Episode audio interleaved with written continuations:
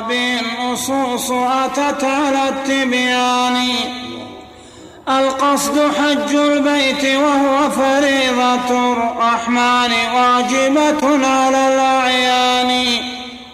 ورحالنا شدت إليه من بقاع الأرض قاصيها كذاك الداني. من لم يزر بيت الإله فما له من حجه سهم ولا سهمان. ما فيها شك. لأن طواف البيت ركن. فمن لم يطف بالبيت فإنه لا حج له. حتى لو وقف بعرفة ورمى الجمرات وبات في منى ومزدلفة فلا حج له. وكذا نشد رحالنا للمسجد النبوي خير مساجد البلدان. من بعد مكة على الإطلاق فيه الخلف بين الناس منذ زمان. ونراه عند النذر فرضا لكن النعمان يأبى ذا وللنعمان. أصل هو النافي الوجوب فإنه ما جنسه فرض على الإنسان. يشير المؤلف رحمه الله إلى أنه بالاتفاق أن شد الرحل إلى المسجد الحرام فرض فرض في أصل من أصل الإسلام وفرض بالنذر إذا نذر الصلاة فيه. المسجد النبوي لا شك أنه خير مساجد البلدان من بعد مكة أو على الإطلاق لكن القول بأنه على الإطلاق ضعيف. والصواب أنه خير المساجد من بعد مسجد مكة. والحديث في هذا صريح صحيح.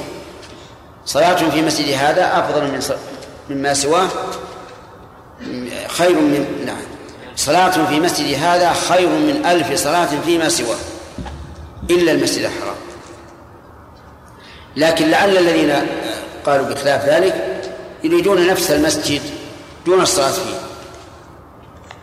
والصواب أن أن المسجد الحرام أفضل من المسجد النبوي وأن الصلاة فيه أفضل من الصلاة في المسجد النبوي. وأما ما زعمه بعض العلماء من أن الحجرة النبوية أفضل من المسجد الحرام وأفضل من الكعبة فهذا قول باطل. قال ابن عقيل رحمه الله وهو من علماء الحنابلة الكعبة أفضل من مجرد الحجرة. فأما والنبي صلى الله عليه وسلم فيها فلا والله ولا العرش وحملته ولا الجنة. وهذا غلط منه رحمه الله.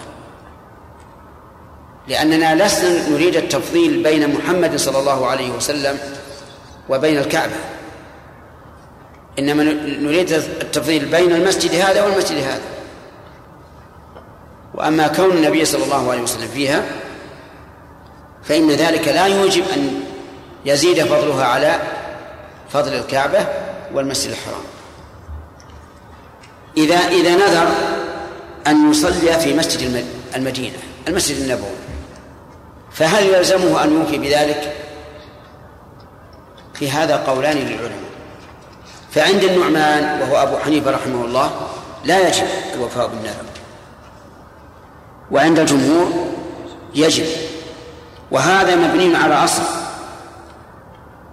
وهو أن أبا حنيفة يقول لا يجب الوفاء بالنذر إلا فيما أصله فرض. إلا فيما أصله فرض.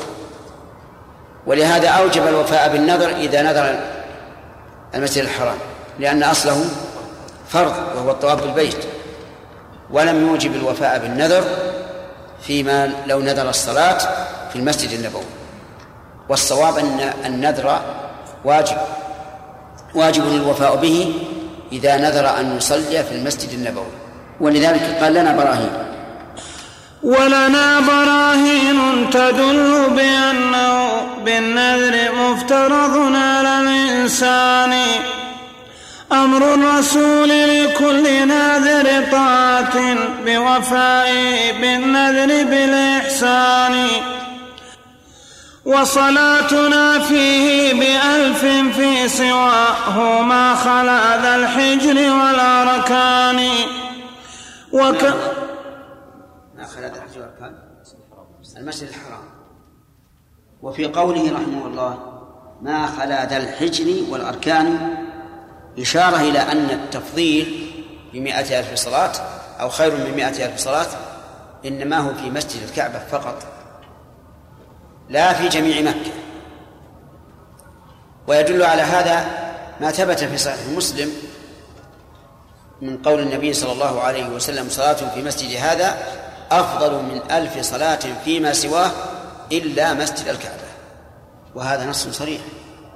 نعم مكة الصلاة فيها أفضل من الصلاة في الحل.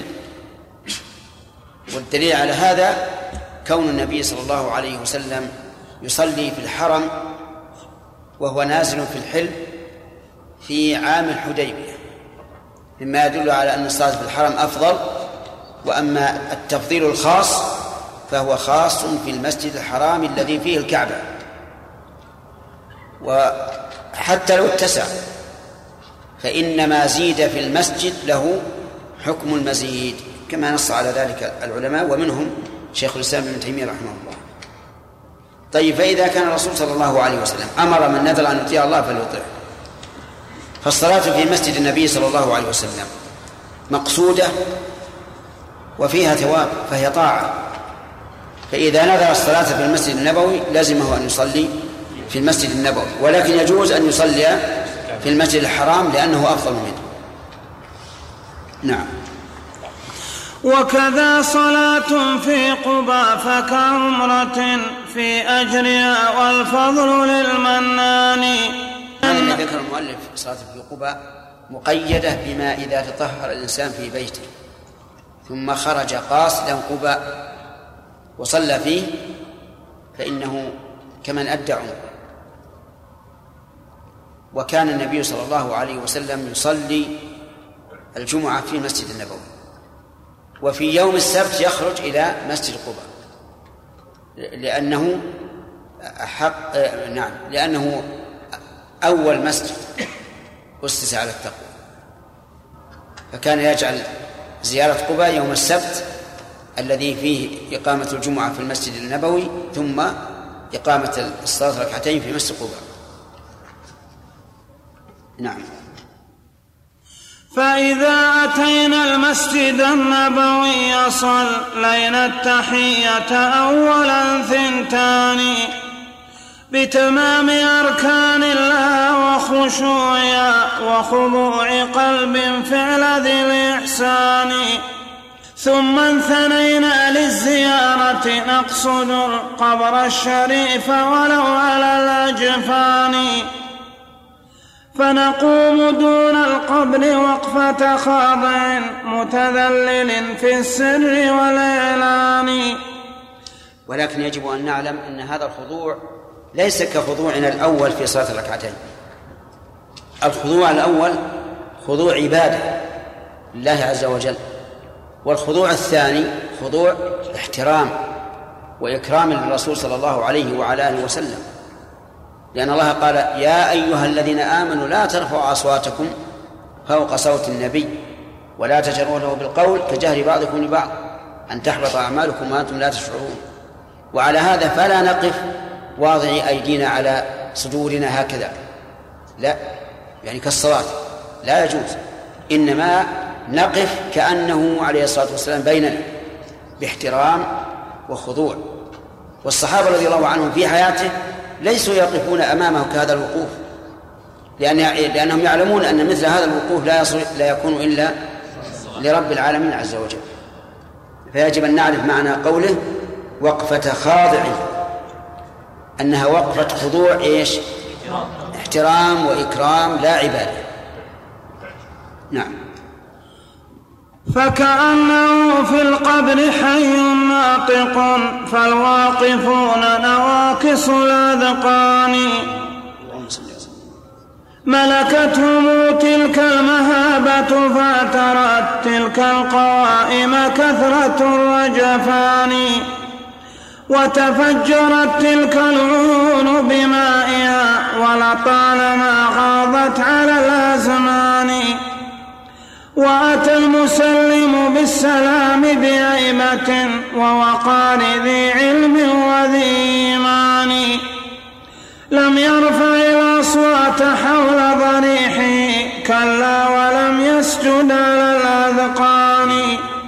هذا هو الصح لا سجود إلا لله عز وجل. كلا ولم ير طائفا بالقبر اسبوعا كأن القبر بيت ثاني. ثم انثنى بدعائه متوجها لله نحو البيت ذي الأركان. هذه زي ثم انثنى بدعائه. هكذا اختار بعض أهل العلم رحمهم الله أن الإنسان إذا سلم على النبي صلى الله عليه وعلى آله وسلم وعلى صاحبيه توجه إلى القبلة ودعا والصواب خلاف ذلك وأن هذا ليس بمشروع لأن هذا يحتاج إلى دليل ولا دليل على هذا. فالخلفاء الراشدون رضي الله عنهم ما كانوا يفعلون هذا عند قبره يعني أنهم إذا سلموا عليه اتجهوا إلى القبلة فدعوا. لكن بعض أهل العلم رحمهم الله قال إذا سلم اتجه إلى القبلة فدعا ردا لقول من من يدعو وهو واقف على القبر فتجده مسلم على القبر ثم يرفع يديه ويدعو الله. هذا غلط. فالسلف الذين قالوا هذا أو فعلوه للرد على من قالوا إنه يقف متجها إلى القبر فيدعو. هذه زيارة من غدا متمسكا بشريعة الإسلام والإيمان. من أفضل الأعمال هاتيك الزيارة وهي يوم الحشر في الميزان. لا تلبس الحق الذي جاءت به سنن الرسول بأعظم البطلان. هذه زيارتنا ولم ننكر سوى البدع المضلة يا أولي العدوان.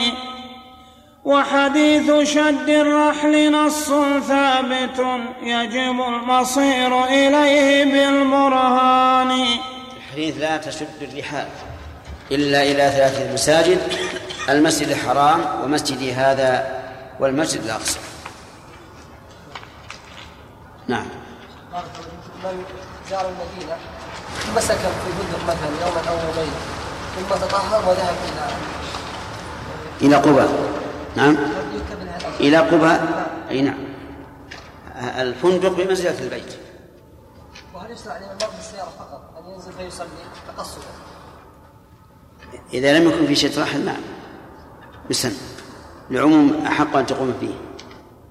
فصل في تعيين أن اتباع السنة والقرآن طريقة النجاة من النيران. يا من يريد نجاته يوم الحساب من الجحيم وموقد النيران. إتبع رسول الله في الأقوال والأعمال لا تخرج عن القرآن. هذا البيت فيه أمور. اولا قوله رحمه الله في الأقوال والأعمال. يشمل أقوال البدن وأقوال القلوب وأعمال البدن وأعمال القلوب. أقوال القلوب هي إقرارها واعترافها وإيمانها بالشيء. أما أعمالها فهي حركاتها من المحبة والتوكل والخشية والخوف وما أشبه ذلك. أما أقوال الجوارح فهي قول اللسان. وأعمال الجوارح عمل الأركان. فقول اللسان كالقراءة والذكر والأمر بالمعروف والنهي عن المنكر وحفظ الأحاديث وغيرها. وأعمال الجوارح كالصلاة في قيامها وركوعها وسجودها والذهاب إليها وغير ذلك. وقول لا تخرج عن القرآن إشارة إلى أن ما جاء عن الرسول عليه الصلاة والسلام فهو من القرآن. من القرآن حكما يجب أن نعمل به كما نعمل في القرآن. وعملنا به عمل بالقرآن حقيقة. نعم. وخذ الصحيحين اللذين هما لعقد الدين والإيمان واسطتان واقرأهما بعد التجرد من هوى وتعصب وحمية الشيطان. واجعلهما حكما ولا تحكم على ما فيهما أصلا بقول فلان. هذا حث واضح من المؤلف رحمه الله على قراءة الصحيحين ويعني بهما صحيح البخاري ومسلم لأنهما أصح الكتب فيما ألف في الحديث والبخاري أصح من مسلم وإن كان ترتيب مسلم رحمه الله أجود. لكن من حيث الصحة البخاري أصح. والله موفق. فصل في تعيين أن اتباع السنة والقرآن طريقة النجاة من النيران.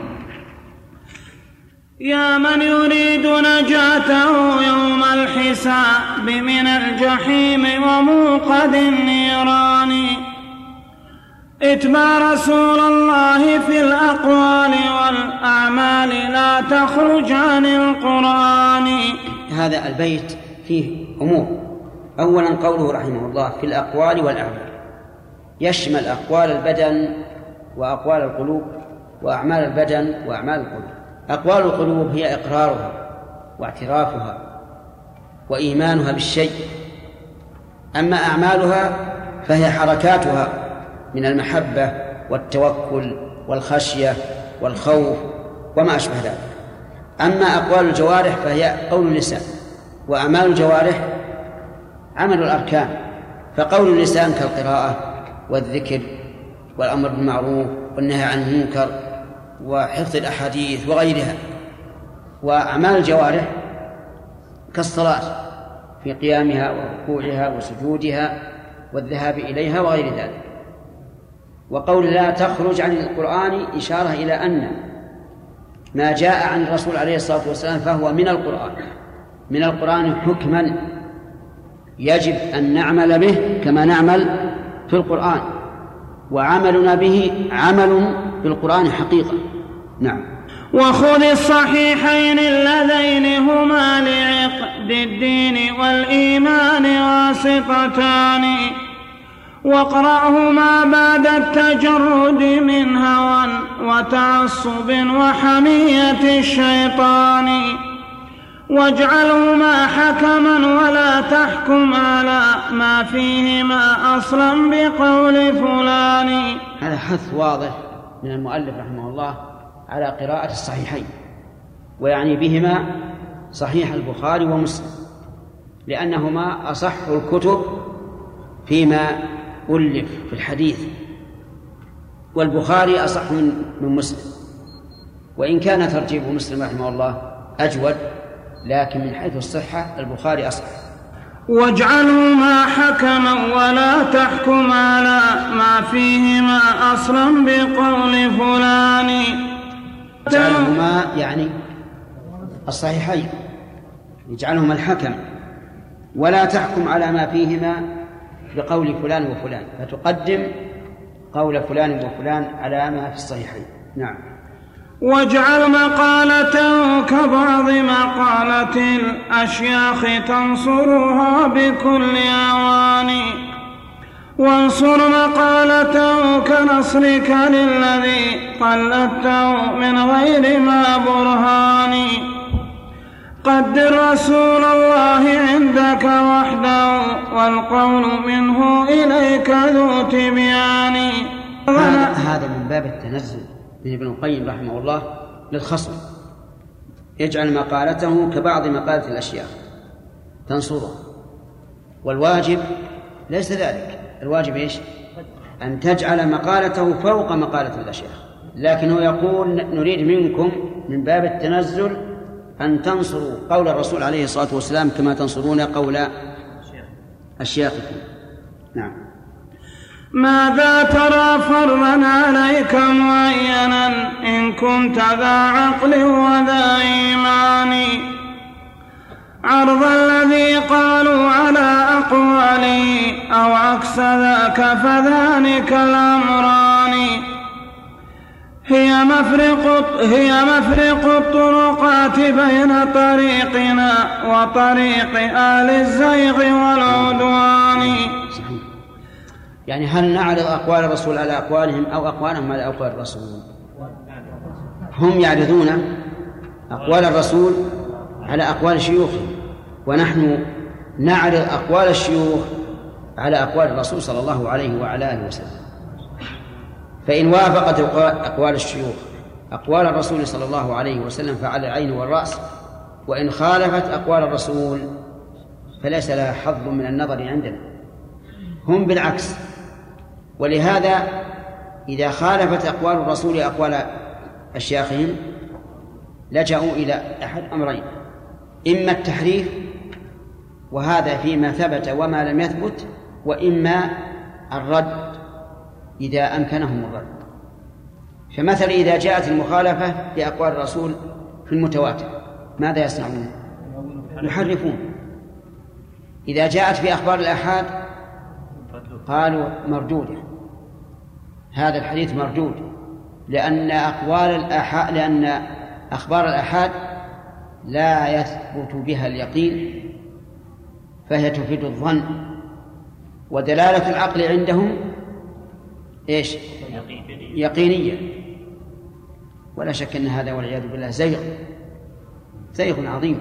فالواجب أن كل ما صح عن رسول الله صلى الله عليه وسلم عن طريق الآحاد أو المتواتر فالواجب تقديمه على كل قول. نعم. قدر مقالات العباد جميعهم عدما وراجع مطلع الإيمان واجعل جلوسك بين صحب محمد وتلقى معهم عنه بالإحسان وتلقى عنهم ما تلقى. عظيمة اجعل جلوسك مع أصحاب الرسول عليه الصلاة والسلام. وعلى هذا فلا تسأل عما لم يسألوا عنه ولا تحدث ما لم يقولوا. ولهذا نحن ننتقد على بعض إخواننا المثبتين للصفات أن يتعمقوا في إثباتها. فمثلا قالوا إن النبي صلى الله عليه وسلم قال إن الله لا يمل حتى تمل. فهل نثبت لله الملل أو لا؟ نقول الصحابة ما ذهبوا يراجعون الرسول عليه الصلاة والسلام في هذا. عرفوا المراد والمقصود وسكتوا عما عما سوى ذلك. عرفوا أن مراد الرسول عليه الصلاة والسلام أنه مهما أكثرتم من العمل فالله تعالى يجازيكم عليه. مهما أكثر. ولا ولم يسألوا هل الله يوصف بالملل أو لا يوصف. وأشياء كثيرة من هذا النوع. يتعمق فيها المتعمقون والصحابة الذين هم والله أفضل منا وأحرص منا على الخير. وعندهم من يستطيع أن يجيب وهو الرسول عليه الصلاة والسلام. لم يسألوا إذن يسع كما وسعه المهم هذه قاعدة مفيدة. اجعل جلوسك بين صحب محمد وتلقى عنهم وتلقى معهم عنه بالإحسان نعم. وتلقى عنهم ما تلقوهم هم عنه من الإيمان والعرفان. أفليس في هذا بلاغ مسافر يبغي الإله وجنة الحيوان؟ لولا التنافس بين هذا الخلق ما كان التفرق قط في الحسبان. فالرب رب واحد وكتابه حق وفهم الحق منه داني ورسوله قد أوضح الحق المبين بغاية الإيضاح والتبيان. اللهم صل وسلم. ما ثم أوضح من عبارته فلا يحتاج سامعها إلى تبيان. والنصح منه فوق كل نصيحة والعلم مأخوذ من الرحمن. هذه أربع صفات في الكلام كلها ثابتة في حق الرسول عليه الصلاة والسلام. أولا الوضوح في في كلامه. والفصاحة. والثاني النصح فوق كل نصيحة. لا أحد أنصح للخلق من رسول الله صلى الله عليه وسلم من الخلق. أفهمتم؟ الثالث العلم. فإن كلام الرسول عليه الصلاة والسلام مأخوذ من الرحمن. لا من قول فلان ولا من قول فلان. الرابع الصدق. فإنه عليه الصلاة والسلام أصدق الخلق فيما يقول. فهذه أربعة أوصاف إذا اجتمعت في الكلام فلا عذر لأحد في العدول عنه أبدا. الأول الوضوح والبيان. الثاني إيش؟ النصب والثالث العلم. والرابع الصدق. نعم. فلأي شيء يعدل الباغي الهدى عن قوله لولا عمى الخذلان فالنقل عنه مصدق والقول من ذي عصمة ما عندنا قولان. والعكس عند سواه في الأمرين يا من يهتدي هل يستوي النقلان؟ ما سواه؟ ما سوى الرسول عليه الصلاة والسلام؟ ليس بمعصوم ليس بمعصوم عن عن الكذب ولا عن الخطأ ولا عن الجهل. والنبي صلى الله عليه وسلم معصوم من ذلك. تالله قد لاح الصباح لمن له عينان نحو الفجر ناظرتان وأخو العماية في عمايتي يقول الليل بعد أيستوي الرجلان. تالله قد رفعت لك الآلام إن كنت المشمرا نلت دار أماني وإن جب و وإذا جبنت وكنت كسلانا فما حرم الوصول إليه غير جبان. فأقدم وعد بالوصل نفسك واهجر المقطوع منه قاطع الإنسان. عن نيل مقصده فذاك عدو ولو أنه منه القريب الداني. يعني الذي يحول بينك وبين الأخذ بأقوال الرسول عليه الصلاة والسلام فهو عدو ولو كان أقرب الناس إليه. فصل في تيسير السير إلى الله على المثبتين الموحدين وامتناعه على المعطلين والمشركين. يا قاعدا سارت به أنفاس سير البريد وليس بالذملان. الذملان نوع من المشي ضعيف. والبريد سريع. وكانوا فيما سبق يجعلون مراحل. بريد والبريد أربعة فراسخ والفرسخ ثلاثة أميال فيجعلون مراحل. آه ثم يرسلون بالكتب والأخبار على الخيول فيقطعون هذه المرحلة بخيل ثم تقف هذه الخيل.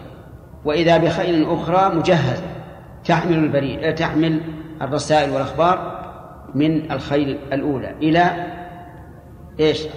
إلى بريد. وهلم جراء ولكنها تكون مسرعة جدا. أي نعم. حتى متى هذا الرقاد وقد سرى وفد المحبة مع أولي الإحسان وحدت بهم عزامتهم نحو الأولى لا حادي الركبان ولا ضعان. ركبوا العزائم واعتروا بظهورها وسروا فما حنوا إلى نعمان. ساروا رويدا ثم جاءوا أولا. سير الدليل يؤم بالركبان ساروا بإثبات الصفات إليه لا التعطيل والتحريف والنكران. عرفوه بالأوصاف فامتلأت قلوبهم له بالحب والإيمان. فتطايرت تلك القلوب إليه بالأشواق إذ ملئت من العرفان وأشدهم حبا له أدراهم بصفاته وحقائق القرآن. اللهم وفقنا لهذا. فالحب يتبع للشهود بحسب يقوى ويضعف ذاك ذو تبيان. ولذاك كان العارفون صفاتي أحبابه هم أهل هذا الشان. ولذاك كان العالمون بربهم أحبابا وبشرات الإيمان. قال الله تعالى لكل جعلنا منكم.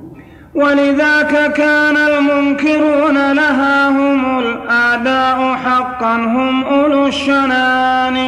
ذاك كان الشنان إيش؟ البغض ولذاك كان الجاهلون بذا وذا بغضاء حقا ذوي شنان. حياة قلب العبد في شيئين من يرزق ما يحيا مدى الأزمان. في هذه الدنيا وفي الأخرى يكون الحي ذا الرضوان والإحسان. ذكر الإله وحبه من غير إشراك به وهما فممتنعان. هذان الشيئان بهما حياة القلوب. ذكر الله ومحبته. وفقنا الله وإياكم لذلك. فإذا كان الإنسان دائم الذكر لله كان حي القلب. وكلما ازداد معرفة بالله عز وجل ازداد محبة له. و لكن من غير إشراك. ذكر الله وحبه من غير إشراك به. وهما فممتنعان من صاحب التعطيل. هما الضمير يعود على الذكر والمحبة. نعم. من صاحب التعطيل حقا كامتناع الطائر المقصوص من طيران. أيحب من كان ينكر وصفه وعلوه وكلامه بقرآن. لا والذي حقا على العرش استوى متكلما بالوحي والفرقان. الله أكبر ذاك فضل الله يؤتيه لمن يرضى بلا حسبان. وترى المخلف في الديار تقول ذا إحدى الأثافي خص بالحرمان. الله أكبر ذاك عدل الله يقضيه على من شاء من إنسان. من أعطي الفضل بإثبات الصفات والأسماء والمحبة لله عز وجل وكثرة الذكر فهذا فضل الله يؤتيه من يشاء. ومن خذل فذلك عدل الله كما قال عز وجل فلما زاغوا أزاغ الله قلوبهم. وقال فبما نقضهم ميثاقهم لعناهم وجعلنا قلوبهم قاسية يحرفون الكلمة من بعد مواضعه ونسوا حظا مما ذكروا به. اللهم اللهم نعم. وله على هذا وهذا الحمد في الأولى وفي الأخرى هما حمدان.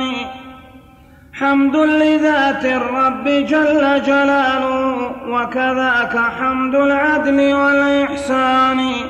إذا يحمد الله عز وجل لذاته لكمال صفاته عز وجل ويحمد أيضا لحكمه لأن حكمه دائر بين شيئين لا ثالث لهما وهما العدل والإحسان. سبحانه. يا من تعز عليهم أرواحهم ويرون غبنا بيعها بهواني ويرون خسرانا مبينا بيعا في إثر كل قبيحة ومهان ويرون ميدان التسابق بارزا فيتاركون تقحم الميدان ويرون أنفاس العباد عليهم قد أحصيت بالعد والحسبان. ويرون أن أمامهم يوم اللقاء لله مسألتان شاملتان. ماذا عبدتم ثم ماذا قد أجبتم من أتى بالحق والبرهان؟ هاتان المسألتان. يعني يرون أن أمامهم يوم اللقاء لله مسألتان. مسألتان شاملتان. ماذا عبدتم وهذا في قوله تعالى ويوم يناديهم أين شركائي الذين كنتم تزعمون. والثاني ماذا أجبتم الرسل؟ في قوله تعالى ويوم يناديهم فيقول ماذا أجبتم المرسلين؟ فعميت عليهم الأنباء يومئذ فهم لا يتساءلون. نعم. هاتوا جوابا للسؤال وهيئوا أيضا صوابا للجواب يداني. وتيقنوا أن ليس ينجيكم سوى تجريدكم لحقائق الإيمان. تجريدكم توحيده سبحانه عن شركة الشيطان والأوثان. وكذاك تجريد اتباع رسولي عن هذه الآراء والهذيان. والله ما ينجي الفتى من ربي شيء سوى هذا بلا روغان. يا رب جرد عبدك المسكين راجي الفضل منك أضعف العبدان. لم تنسه وذكرته فاجعله لا ينساك أنت بدأت بالإحسان. وبي ختمت فكنت أولى بالجميل وبالثناء من الجهول الجاني فالعبد ليس يضيع بين فواتح وخواتم من فضل ذي الغفران. أنت العليم بي وقد أنشأته من تربة هي أضعف الأركان. كل عليها قد علا وهوت إلى تحت الجميع بذلة وهوان. وعلت عليها النار حتى ظن أن يعلو عليها الخلق من نيران. وأتى إلى الأبوين ظنا أنه سيصير الأبوين تحت دخان. فسعت إلى الأبوين رحمتك التي وسعته ما فعلا بك الأبوان هذا ونحن بنوهما وحلومنا في جنب حلمهما لدى الميزان. صحيح. جزء يسير والعدو فواحد لهما وآدانا بلا حسبان. رحمه الله.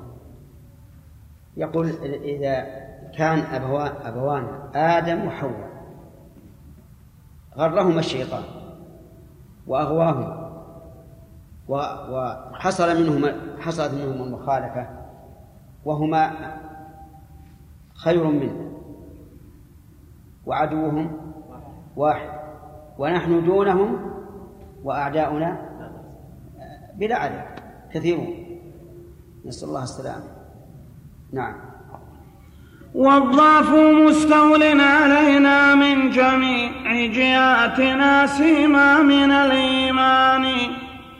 يا رب معذرة إليك فلم يكن قصد العباد ركوب ذا العصيان. لكن نفوس سولته وغرى هذا العدو لها غرور أماني فتيقنت يا رب أنك واسع الغفران ذو فضل وذو إحسان. ومقالنا ما قاله الأبوان قبل مقالة العبد الظلوم الجاني. ويجوز ما ذكرت أنت؟ مقالنا ما قاله الأبوان قبل مقالة العبد الظلوم الجاني نحن الأولى. نعم. نحن الأولى ظلموا وإن لم تغفر الذنب العظيم فنحن ذو خسران. يا رب فانصرنا على الشيطان ليس لنا به لولا حماك يداني يشير إلى قوله تعالى عن آدم وحواء قال ربنا ظلمنا أنفسنا وإن لم تغفر لنا وترحمنا لنكونن من الخاسرين. ننتهي يعني ننتهي على هذا ولا نستمر؟ بسم الله الرحمن الرحيم. فصل في ظهور الفرق بين الطائفتين وعدم التباسه إلا على من ليس بذي عينين. والفرق بينكم وبين خصومكم من كل وجه ثابت ببيان. ما أنتم منهم ولا هم منكم شتان بين الساد والدبران. فإذا دعونا للقرآن دعوتم. السعد أحد نجوم الشتاء وهي ثلاثة سعود سعد الذابح وسعد بلع وسعد السعود. ثلاث. وأما الدبران فهو أيضا نجم خفي يكون خلف الثريا ولذلك سمي الدبران لأنه مدابر لها. وكلاهما بينهما فرق عظيم. نعم. فإذا دعونا للقرآن دعوتم للرأي أين الرأي من قرآن؟ وإذا دعونا للحديث دعوتم أنتم إلى تقليد قول فلان.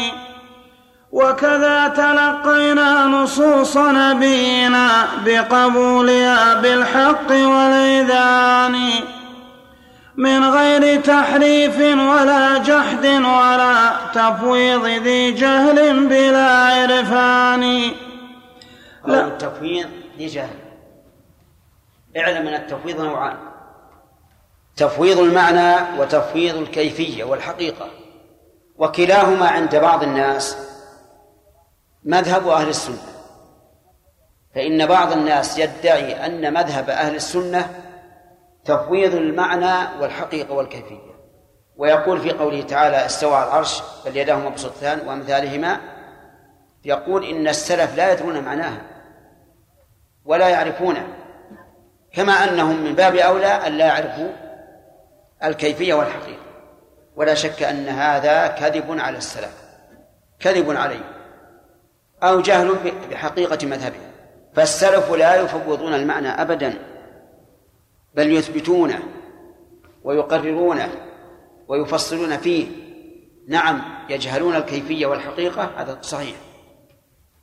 وقد قال شيخ الإسلام رحمه الله إن قول أهل التفويض بالمعنى الذين يفوضون المعنى من شر أقوال أهل البدع والإلحاد مع أن كثيرا من المصنفين يظنون أن مذهب أهل السنة هو تفويض المعنى وهذا إما كذب وإما جهل. نعم. لكن بإعراض وتجهيل وتأويل تلقيتم مع النكران أنكرتم وجهدكم فإذا أتى ما لا سبيل له إلى نكران. أعرضتم عنه ولم تستنبطوا منه هدى لحقائق الإيمان. فإذا ابتليتم مكرهين بسمعها فوضتموها لا على العرفان. لكن هذا ما أشرنا إليه. فوضتموها لا على العرفان يعني فوضتم المعنى. هذا إذا إذا ابتليتم وألزمتم بالقول بها قلتم إذا نقول ولكن نفوض المعنى. فلا نتكلم في المعنى إطلاقا. لكن بجهل للذي سيقت له تفويض إعراض وجهل ماني. فإذا ابتليتم باحتجاج خصومكم أوليتموها دفع ذي صالان. فالجحد والإعراض والتأويل والتجهيل حظ النص عند الجاني. لكن لدينا حظه التسليم مع حسن القبول وفهم ذي الإحسان. هذا هذه طريقته إما الإعراض وإما التأويل الذي هو التحريف وإما التجهيل حتى إنهم يقولون إن الرسول صلى الله عليه وسلم يقول كلاما وهو لا يعرف معناه يقول إن الرسول قال ينزل ربنا إلى السماء الدنيا وهو لا يدري عن النزول. نسأل الله العافية. وهل أشد قدحا من هذا؟ أن الرسول صلى الله عليه وسلم يتكلم بالكلام ولا يدري وش معناه. نسأل الله العافية. وأيضا لا يدري لا يدري ما معناه في أعظم الأمور وهو معرفة الله وأسمائه وصفاته. نعم. فصل في التفاوت بين حظ المثبتين والمعطلين من وحي رب العالمين. ولنا الحقيقة من كلام إلهنا ونصيبكم منه المجاز الثاني. وقواطع الوحيين شاهدة. فاهمين هذا المعنى؟ يعني نحن نحمل الحقيقة كلام الله على الحقيقة. وهم يحملونه على المجاز. مثال ذلك قول الله تعالى وجاء ربك. نحن نحمله على الحقيقة وأنه مجيء حقيقي. وهم يحملونه على أنه مجاز عن مجيء أمره. وقواطع الوحيين شاهدة لنا وعليكم هل يستوي الأمران؟ وعد الجواب لا يستوي. قواطع الوحيين الكتاب والسنة شاهدة لنا وشاهدة عليها نعم. وأدلة المعقول شاهدة لنا أيضا فقاضونا إلى البرهان. وكذاك فطرة ربنا الرحمن شاهدة لنا أيضا شهود بيان. وكذاك إجماع الصحابة والأولى تبعوهم بالعلم والإحسان.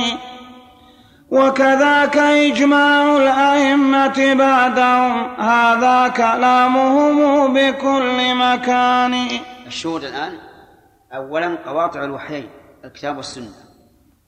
والثاني أدلة المعقول العقول. والثالث الفطرة. والرابع إجماع الصحابة والذين تبعوهم بالعلم والإحسان. والسادس إجماع الأئمة بعدهم. كل هذه شاهدة لنا والحمد لله وليس عندهم واحد منها. هذه الشهود فهل لديكم أنتم من شاهد بالنفي والنكران؟ وجنودنا من قد تقدم ذكرهم وجنودكم فعساكر الشيطان. وخيامنا مضروبة بمشاعر الوحيين من خبر ومن قرآن. وخيامكم مضروبة بالتيه فالسكان كل ملدد حيران. هذه شهادتهم على محصولهم عند الممات وقولهم بلسان. والله يشهد انهم أيضا كذا. تكفي شهادة ربنا الرحمن.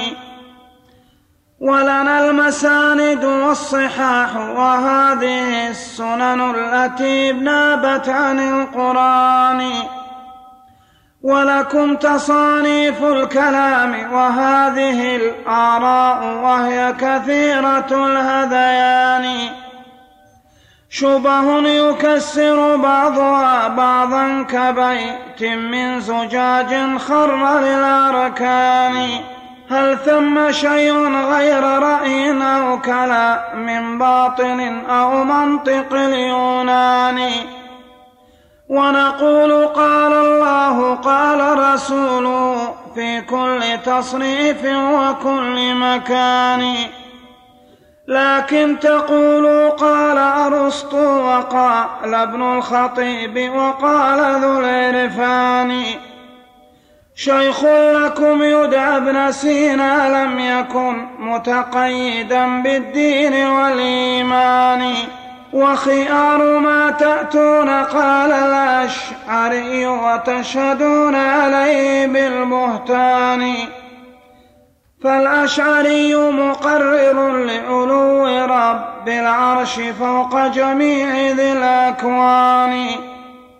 في غاية التقرير بالمعقول والمنقول ثم بفطرة الرحمن.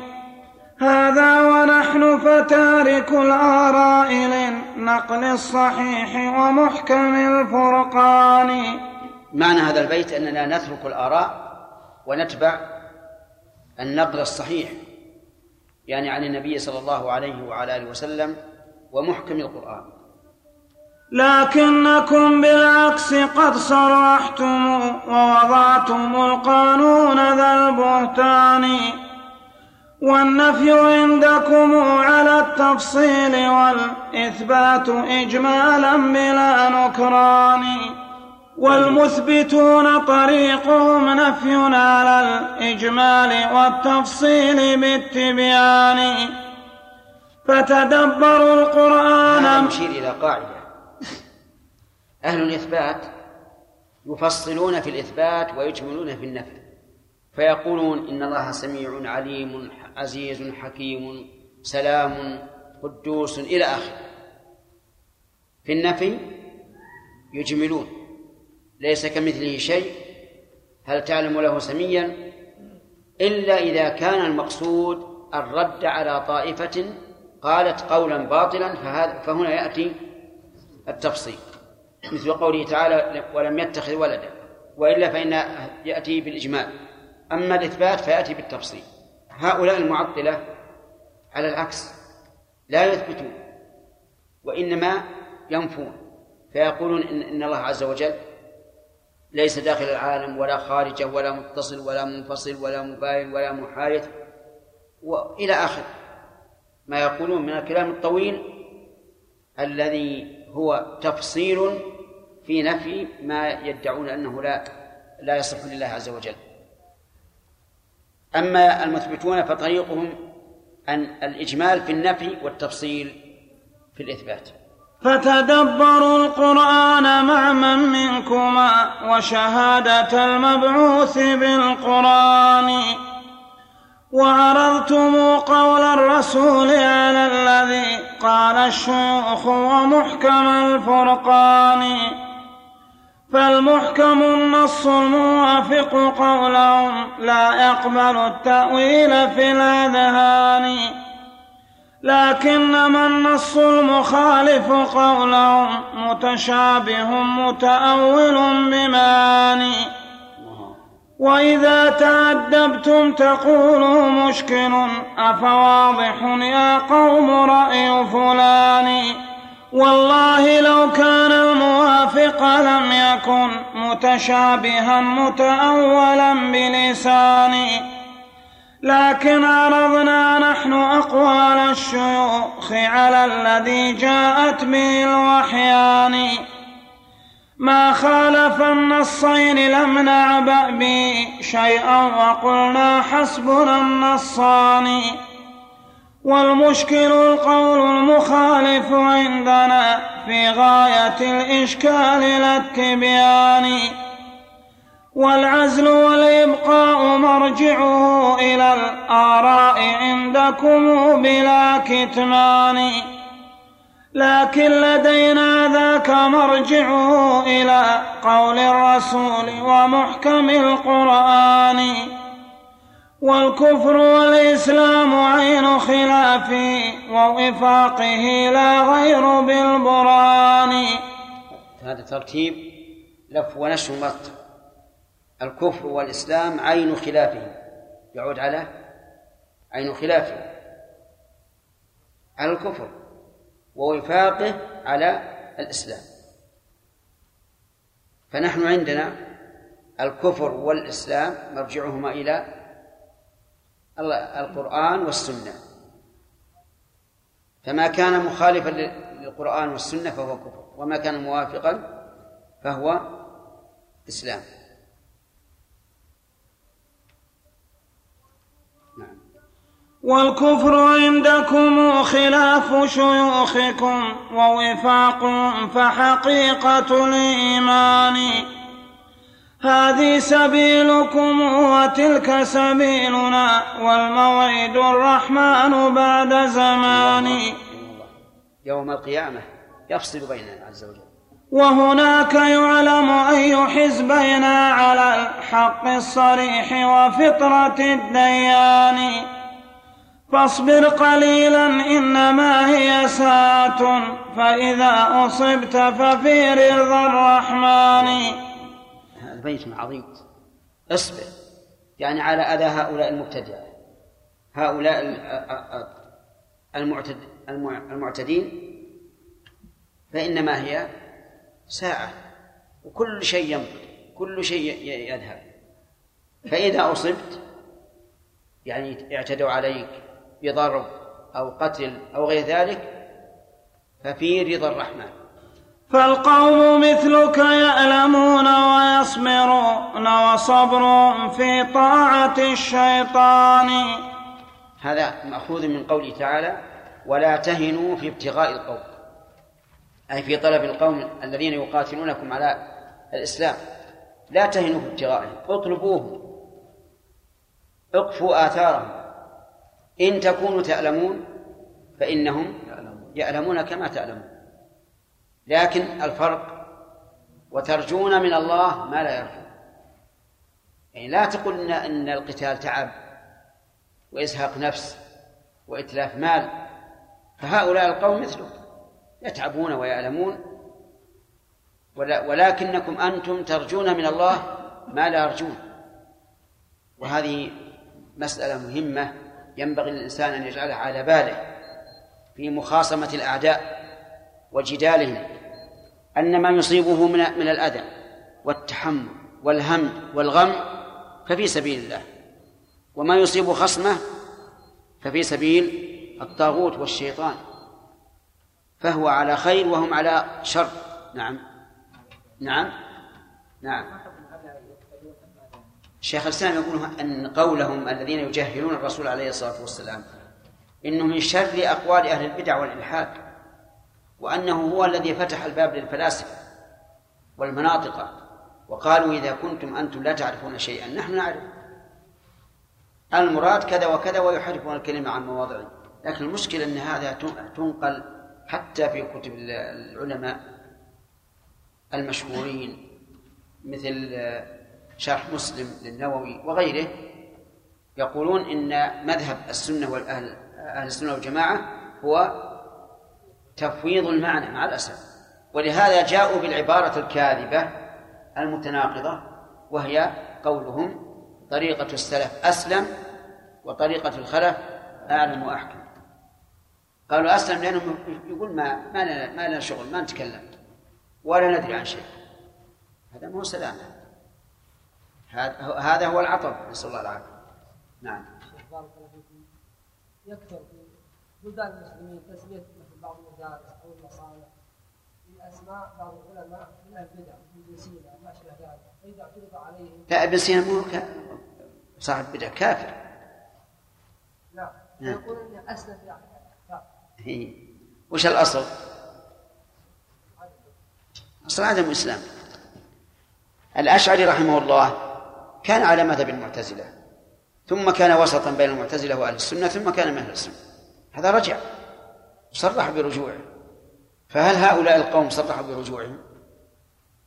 الأصل عدم الرجوع.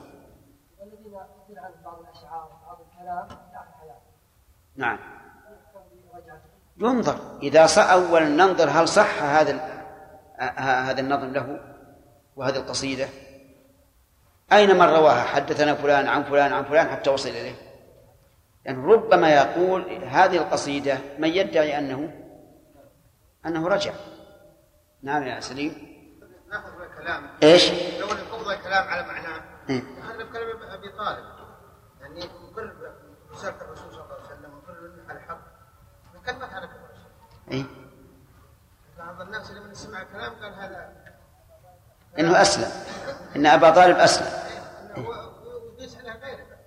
العبرة بالنهاية نسأل الله العافية. أبو طالب آخر ما قال إنه على مله عبد المطلب نعم. هذا كلام من كل مكان. نعم. قوله وكذاك إجماع الأئمة بعدهم نعم. هذا كلام من كل مكان. هل يقصد الكتب شيخ؟ هذا كلامهم. أي كتبهم وما نقل عنه. نعم. هل يحسب لطالب العلم أن يشرح أسماء الله الحسنى على عند العامة؟ في أشياء نعم يطلب ذلك. مثلا إذا قلت إن الله سميع أي أنه سبحانه وتعالى يسمع كل شيء وتفصل له. هذا طيب. في أشياء قد يكون من من من الأحسن أن لا تحدث بها. نعم. مثل لو تفصل في يد الله في أصابع الله مثلا أو ما أشبه ذلك قد لا يعرف العام هذا الشيء.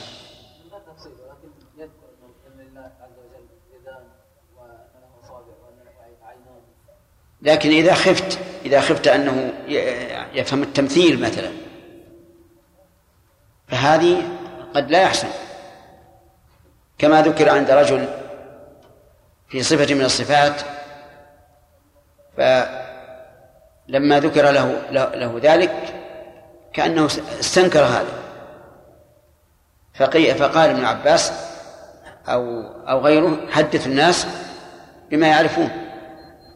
لأنه لأن الرجل انتفض لما سمع بعض الصفات. نعم. الذين. نعم قلنا قبل قليل ان كل ما قال في القران من نص القران فهو كفر الذين يحرفون الصفات هل يقال لا ما ما نستطيع أن نقول كفر بعضهم مثلا يحرفونها لا يظنون إن هذا هو الحق. ونحن نعرف أن عندهم نية طيبة وأنهم من خلص المؤمنين. فلا نكفرهم هل يستطيع أحد أن يكفر مثل النووي أو ابن حجر في بعض كلامه؟ لا يمكن هذا. هذا هذا صحيح. يعني يجب على الإنسان أن يستغني بالكتاب والسنة عن تقليد عن تقليد الرجال والاراء وجوبا. لأن لأننا سنسأل يوم القيامة ماذا أجبتم المرسلين. لكن إذا كان الإنسان لا يستطيع هذا بنفسه ففرضه التقليد. لقول الله تعالى فاسألوا أهل الذكر إن كنتم لا تعلمون. وما أحسن ما قال الشيخ الإسلام ابن تيمية رحمه الله إن التقليد بمنزلة أكل المي الميتة. وأكل الميتة للضرورة جائز ولا لا؟ جائز. وأما من قدر على أن يدرك الحق بنفسه من أصوله الكتاب والسنة فإنه لا يجوز له التقليد ولا يجوز أن يحتج بقول من يقلده الناس. نعم. يا طالب الحق المبين ومؤثرا علم اليقين وصحة الإيمان. اسمع مقالة ناصح خبر الذي عند الورى مذ شب حتى الآن ما زال مذا قدت يداه إزاره قد شد ميزره إلى الرحمن. من يعني؟ يعني نفسه رحمه الله. ولا يقال إن هذا من باب تزكية النفس لأن المقصود بذلك إغراء الناس على أن يأخذوا من الكتاب والسنة وها هو عبد الله بن مسعود يقول لو أعلم أن أحدا تناله الإبل أعلم مني بكتاب الله لشددت الرحل إليه هل أراد عبد الله بن مسعود أن يزكي نفسه؟ لا. أراد حث الناس على طلب العلم مهما بعدت أقطاره وهكذا ابن القيم رحمه الله. لا نعتقد ولا نظن أنه أراد بذلك أن يمدح نفسه أمام الناس أو يزكيها عند الله عز وجل. طيب وقوله ما زال مذ عقدت يداه إزار. معناه أن الإنسان الصغير من الذي يعقد إزاره؟ أمه. أو الخادم أو ما أشبه ذلك. إذا كبر تمكن من أن يعقد إزاره بنفسه. نعم. وتخلل الفترات للعزمات أمر لازم لطبيعة الإنسان. صحيح. الله أكبر. وتولد لا شك أن الإنسان يكون عنده عزيمة في بعض الأحيان. عزيمة قوية وإيمان قوي كأنما يشاهد العرش والكرسي والجنة والنار. ثم تحصل فترة لا يصل إلى هذا الحد. فتخلل ال- الفترات للعزمات أمر لازم. كل إنسان لا بد أن يكون هكذا. نعم. وتولد النقصان من فتراته أوليس سائرنا بني النقصان؟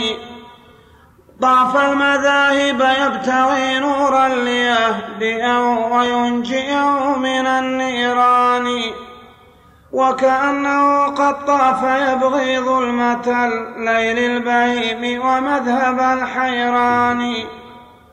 والليل لا يزداد إلا قوة والصبح مقهور بذا السلطان. حتى بنت في سيره نار على طود المدينة مطلع الإيمان فأتى ليقبسها فلم يمكن مع تلك القيود منالها بأمان. لولا تداركه الإله بلطفه ولا على العقبين ذا نقصان. لكن توقف خاضعا متذللا مستشعر الإفلاس من أثمان فأتاه جند حل عنه قيوده فامتد حينئذ له الباني. والله لولا أن تحل قيوده وتزول عنه ربقة الشيطان. كان الرقي إلى الثريا مصعدا من دون تلك النار في الإمكان. فرأى بتلك النار أطام المدينة كالخيام تشوف العينان ورأى على طرقاتها الأعلام قد نصبت لأجل السالك الحيران. ورأى هنالك كل هاد مهتد يدعو إلى الإيمان والإيقان. فهناك هنأ نفسه متذكرا ما قاله المشتاق منذ زمان. والمستهام على المحبة لم يزل حاشا لذكراكم من النسيان. لو قيل ما تهوى لقال مبادرا أهوى زيارتكم على الأجفان. تالله إن سمح الزمان بقربكم وحللت منكم بالمحل الداني. لأعفرن الخد شكرا في الثرى ولأكحلن بتربكم أجفاني. لمبالغة ولا هذا ليس ليس بالمشروع لكن هذه من المبالغات التي يقولها الشعراء. والشعر إذا كان فيه مبالغة يرون أن هذا من ملحه وطراوته الله رحمه الله. نعم. إن رمت تبصر ما ذكرت فغض طرفا عن سوى الآثار والقرآن. واترك رسوم الخلق لا تعبأ بها في السعد ما يغنيك عن دبران. حدق لقلبك في النصوص كمثل ما قد حدقوا في الرأي طول زمان. واكحل جفون القلب بالوحيين واحذر كحلهم يا كثرة العميان. فالله بين فيما طرق الهدى لعباده في أحسن التبيان. لم يحوج الله الخلائق معهما لخيال فلتان ورأي فلان. فالوحي كاف للذي ينابي شاف لداء جهالة الإنسان. الله يجعلنا وإياكم ممن تمسك به. وتفاوت العلماء في أفهامهم للوحي فوق تفاوت الأبدان. صحيح. تفاوت الأبدان معروف. كل يعرف هذا قصير وهذا طويل وهذا نحيل وهذا سمين وهذا أبيض وهذا أسود معروف. الأفهام كذلك لأن الأفهام قوى باطنة. يتفاوت الناس في الأفهام. تجد بعض الناس يأخذ من النص الواحد يعني مئات الفوائد وآخر لا يعرف شيئا. لا يعرف شيئا. ما يستطيع أن يأخذ ولا فائدة.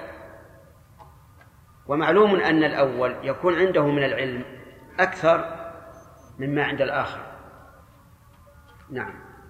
والجهل داء قاتل وشفاء أمران في التركيب متفقان نص من القرآن أو من سنة وطبيب ذاك العالم الرباني ماشي. النص من القرآن أو من السنة هو الدواء. لكن الدواء يحتاج إلى طبيب. فمن الطبيب الذي يوصلنا إلى أن ننتفع بالكتاب والسنة؟ هو العالم الرباني. ليس كل عالم ليس كل عالم ينفع بل هو العالم الرباني. العالم الرباني قيل إنه الحكيم في التعليم. الذي يربي الناس بصغار العلم قبل كباره وقيل إن العالم الرباني من لا يريد بعلمه إلا الوصول إلى إلى الرب عز وجل. فهو مهتد هاد للخلق. لا يريد رياء ولا سمعة ولا كبرياء ولا غير ذلك. إنما يريد وصول العباد إلى رب العباد. ولا مانع من أن نقول إن العالم الرباني من اتصف بهذا وهذا لأن الوصفين عجيب. لا يختلفان. يمكن أن يجتمعا في شخص واحد. لكن لا بد من القرآن والسنة لا بد من عالم. فهو كالطبيب بالنسبة للأدوية الحسية. نعم. والعلم أقسام ثلاث ما لا من رابع والحق ذو تبيان. علم بأوصاف الإله وفعله وكذلك الأسماء للرحمن. والأمر والنهي الذي هو دين وجزاء يوم المعاد الثاني. هذه ثلاثة أشياء. الأول وهو أشرفها وأعظمها العلم بأوصاف الله وأسمائه وأفعاله. يعني العلم بالأسماء والصفات وما يتعلق بها. والثاني العلم بالأمر والنهي. افعلوا أو لا تفعلوا الذي هو دينه. وهذا يتعلق بأفعال العباد. الثالث الجزاء العلم بجزاء الله تعالى يوم القيامة. هذه هذا هو العلم الحقيقي. ثلاثة أقسام علم بالله وأسمائه وصفاته وأفعاله والثاني علم بشريعته بأمره ونهيه والثالث علم بجزائه يوم القيامة. نعم. والكل في القرآن والسنن التي جاءت عن المبعوث بالفرقان. والله ما قال امرؤ متحذلق بسواهما إلا من الهذيان. إن قلتم تقريره فمقرر بأتم تقرير من الرحمن.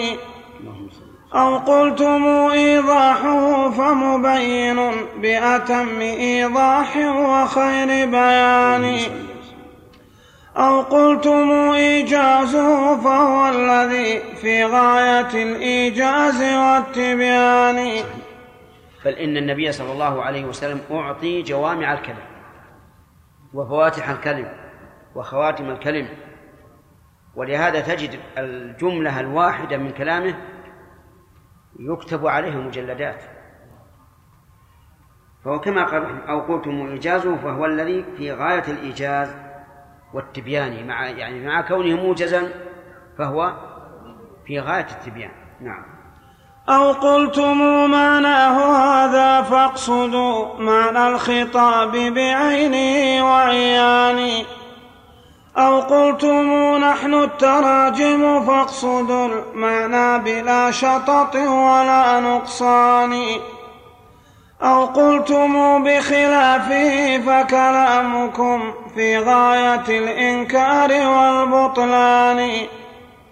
أو قلتم قسنا عليه نظيرا فقياسكم نوعان مختلفان.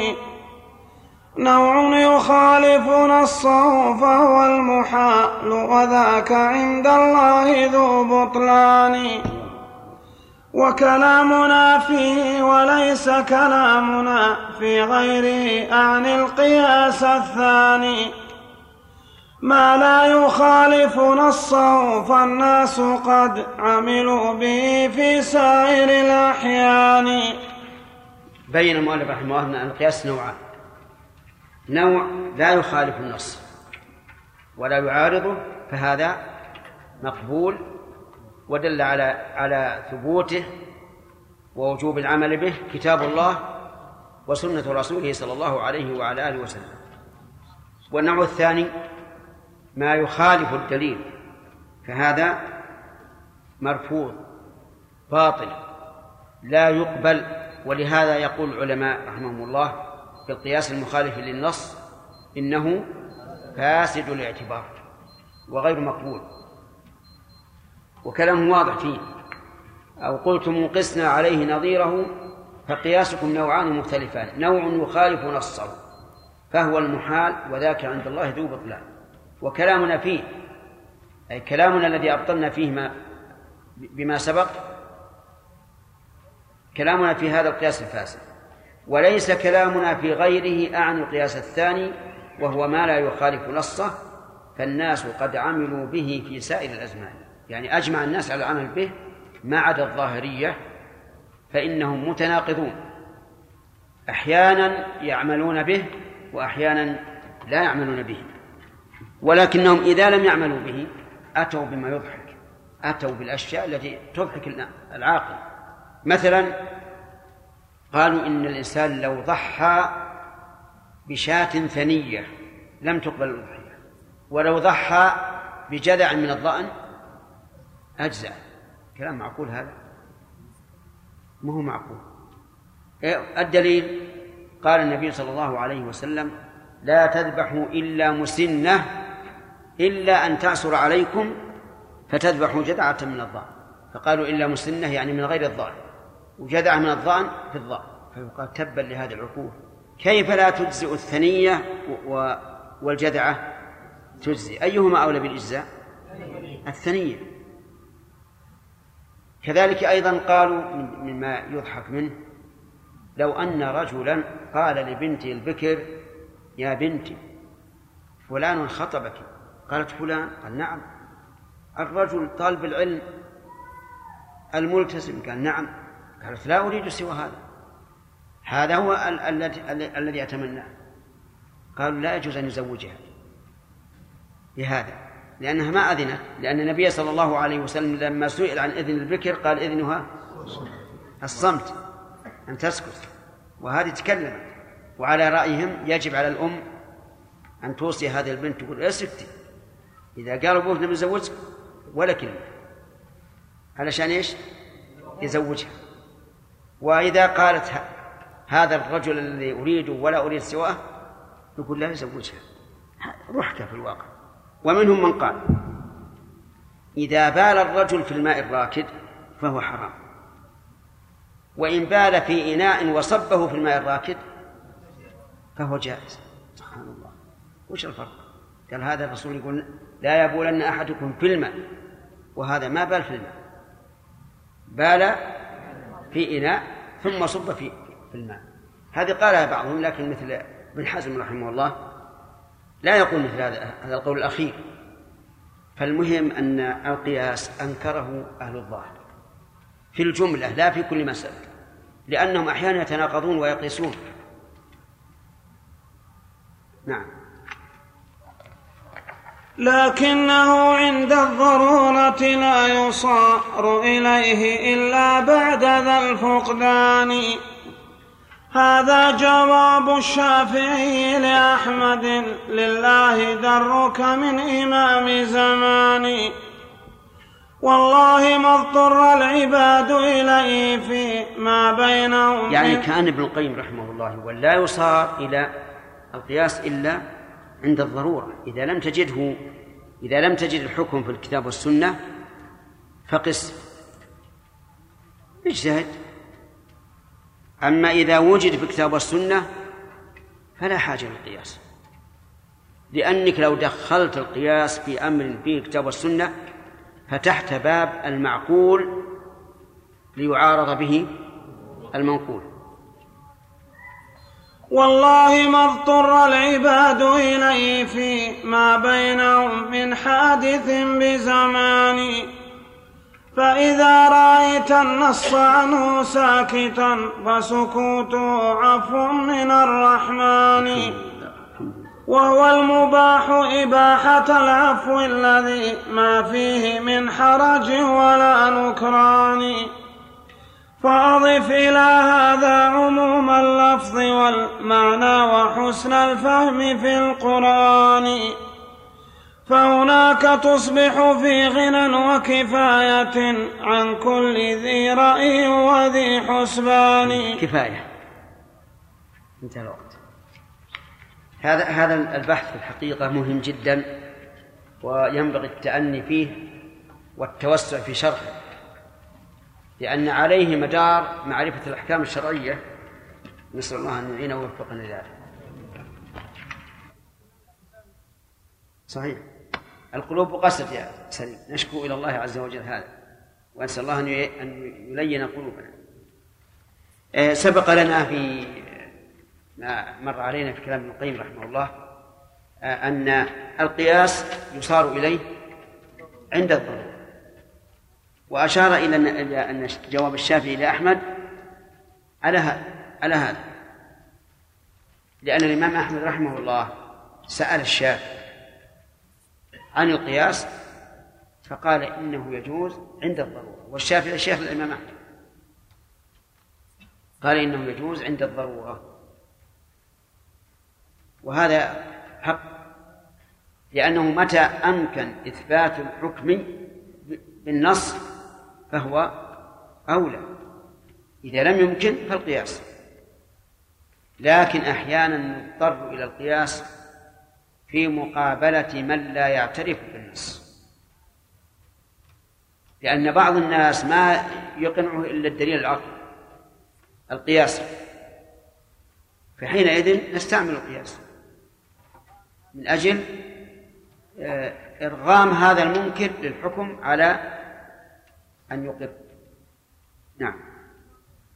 بسم الله. فهناك تصبح في غنى وكفاية عن كل ذي لا والله مضطر. أنا حاط بلغ على قوله والله مضطر. قبله بأربعة أيام والله ما اضطر العباد إليه في ما بينهم من حادث بزمان. فإذا رأيت النص عنه ساكتا فسكوته عفو من الرحمن. وهو المباح إباحة العفو الذي ما فيه من حرج ولا نكران. وهذا جاء به الحديث عن النبي صلى الله عليه وسلم أنه قال ما سكت الله عنه فهو عفو. قال إن الله فرض فرائض فلا تضيعوها. وحد حدودا فلا تعتدوها. وسكت عن أشياء رحمة بكم من غير نسيان فلا تبحثوا عنها. فإذا لم تجد في النص إثباتا ولا نفيا ولا تحريما ولا إباحة فعليك بإيش؟ بالإباحة. عليك بالإباحة. إلا ما تعبد به لله فالأصل التحريم. ولذلك من منع عبادة أو وصفا في عبادة أو قدرا في عبادة فإنه لا يطالب بالدليل. لأن الأصل معه وإنما يطالب بالدليل من أثبت ما لم يقم عليه الدليل. انتبه لهذا الفرق. إذا تعبد بعبادة لا يعلم لها أصل ونهيت المتعبد بها. وقال لك ما دليلك ماذا تقول؟ أقول أنت ما دليل. هذه عبادة. وقد قال وقد قال الله تعالى منكرا على هؤلاء أم لهم شركاء شرعوا لهم من الدين ما لم ما لم يأذن به الله. وقال النبي صلى الله عليه وعلى آله وسلم من عمل عملا ليس عليه أمرنا فهو رد. أما غير العبادات فالأصل الحل. لأنه مسكوت عنها وما سكت الله عنه فهو عفو. نعم. فأضف إلى هذا عموم اللفظ والمعنى وحسن الفهم في القرآن. فهناك تصبح في غنى يعني وكبر مثل عندنا هو الذي خلق لكم ما في الأرض جميعا. أي إنسان يدعي أن هذا حرام من نبات أو حيوان نقول ما هو الدليل؟ صح؟ ما هو الدليل؟ كل ما في الأرض مخلوق لنا. ولو كان حراما علينا ما انتفعنا به ولا ولا صار مخلوقا لنا. فإذا قال لك قائل هذه الشجرة حرام أكلها هذا الطير حرام أكله هذا الزاحف حرام أكله قل ما الدليل؟ إن أتى بدليل فعلى العين والرأس وإلا فالأصل الحل. هذا معنى قوله فأضف إلى هذا عموم اللفظ والمعنى. نعم. فهناك تصبح في غنى وكفاية عن كل ذي رأي وذي حسبان ومقدرات الذهن لم يضمن لنا. تبيانها بالنص والقرآن. هذا أي- هذه من الفوائد العظيمة. مقدرات الذهن. لم يضمن لنا بيانها. ومقدرات الذهن الاحتمالات التي يفرضها الذهن في القرآن في نصوص القرآن أو السنة. وهذه القاعدة الظاهر أنها متفق عليها. ونص عليها ابن حجر رحمه الله في فتح الباري. أن الاحتمالات العقلية لا مدخل لها في الأحكام الشرعية. لأنك لو أردت أن تدخل كل احتمال عقلي ما بقي قدمك راسخا على أي شيء لأن, لأن كل شيء يمكن فيه يمكن فيه الاحتمال. لكن خذ بما ظهر كما أخذ به من قبلك من الصحابة والتابعين والأئمة. نعم. ولهذا أنا أكره أن يقول الإنسان لو قال قائل.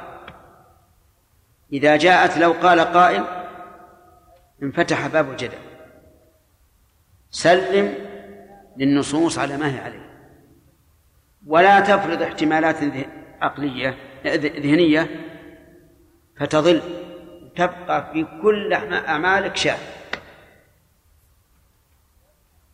أفهمت هذا؟ ليس أقول إنك تكون شاكا في العلم بل حتى في العمل. لأنك ستقول لعل الله أراد كذا لعل الرسول أراد كذا. وتبقى في فهم الكتاب والسنة كالموسوس في العبادة. اترك الاحتمالات العقلية.